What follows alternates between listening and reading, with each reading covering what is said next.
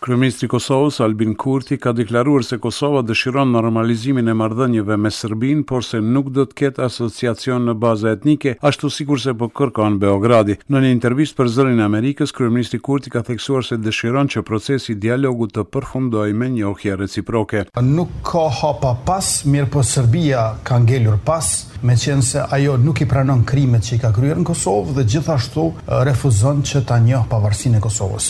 Presidenti amerikan Biden e ka formuluar shumë mirë çështjen, ka thënë që duhet të kemi normalizim të plotë përmes një marrëveshje ligjërisht të obligueshme, e cila në qendër të saj e ka njohjen reciproke. Unë jam i gatshëm për njohje reciproke, Serbia nuk është. Asociacioni i Komunave me Shumicë Serbe nuk e ka kaluar testin e Gjykatës Kushtetuese në Kosovë. Ajo ka konstatuar që njëzet e tri nene të Kushtetutës praktikisht shkilen dhe mund të ketë asociacion të komunave, po jo mbi baza etnike. Presidenti i Malit të Zi, Milo Gjukanoviq qëndroi të mërkurën në Kosovë, ku është pritur me nderime të larta nga presidentja e vendit, Vjosa Osmani. Pas takimit që patën, Gjukanoviq e Osmani mbajtën konferencë për medie. Aty Gjukanoviq tha se Mali i Zi përkrah Kosovën për anëtarësim në Këshillin e Evropës dhe në organizata tjera ndërkombëtare. I pari i Malit të Zi foli edhe për çështjen e demarkacionit të kufirit Kosovë-Mali i Zi. Ai tha se është verifikuar marrëveshja për kufirin në të dy parlamentet tona dhe problem për këtë çështje mund të krijojnë vetëm ata që e shohin si problematike.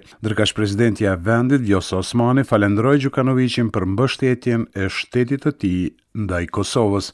Pozitë dhe opozitë janë përplasur gjatë seancës parlamentare derisa po diskutohej për çështjen e sigurisë në vend. Fondi për siguri e ka ndezur edhe më shumë debatin. Shefi i grupit parlamentar të PDK-s, Gjatë seancës e kritikoi qeverinë Kurti për jotransparencë dhe dështim me fondin që ishte formuar për të mbledhur para për financimin e Ushtrisë së Kosovës. Tahiri vuri bast se nëse janë mbledhur mbi dy milionë euro në Fondin e Sigurisë, ai do ta dorëzonte mandatin e deputetit. Unë jam i bindur, edhe nëse s'del qështu, unë po vë bast dhe po e lo mandatin e deputetit. Nëse kanë kalu mi dy milion euro, nëse jonë dhonë mi dy milion euro në fondin e sigurisë, deri sot, kur po flasëm, deri në këto momente, unë e lo mandatin e deputetit. I menjëhershëm ka qenë reagimi i ministrit të Financave, Hekuran Murati, i cili i është përgjigjur deputetit të PDK-së Abelard Tahiri. Murati e ka ftuar Tahirin që ta mbajë fjalën dhe ta dorëzojë dorëheqjen, pasi sipas tij shifra prej dy milionë eurosh është arritur tashmë.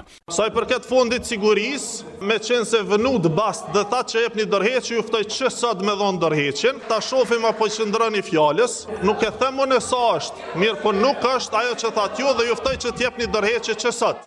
Ish drejtuesit e Organizatës së Veteranëve të Luftës së Ushtrisë Lirimtare të Kosovës, Hysni Gucati e Nasim Haradinaj janë dënuar me nga katër vjet e gjysmë burgim nga Gjykata Speciale. Gucati e Haradinaj u denuan për publikimin e dokumenteve të Speciales. Dokumentet ishin sjellë nga persona të panjohur në zyrat e Organizatës së Veteranëve të Luftës së UÇK-së gjatë vitit dy mijë e njëzet. Në dënim, do t'ju përllogaritet koha e kaluar në paraburgim nga shtatori i vitit dy mijë e njëzet. Dënimi i Hysni Gucatit e Nasim Haradinajt nga Gjykata Speciale ka nxitur reagime të shumta në Kosovë. Faton Klinaku, që drejton Organizatën e Veteranëve të Luftës së UÇK-së, madje nuk i ka përjashtuar as protestat. Ai ka thënë se Gjykata Speciale është politike, ndërsa ka theksuar se do të diskutojnë për protestat e mundshme. E kemi pritë si vendim për shkak se neve Gjykatën Speciale e kemi konsideru që është gjykatë politike, është gjykatë e njëanshme e cila nuk merret me krimet e luftës, por merret me ndjekje ndaj shqiptarëve. Që në momentin kur ka ndodh atë ngjarje, prokuroria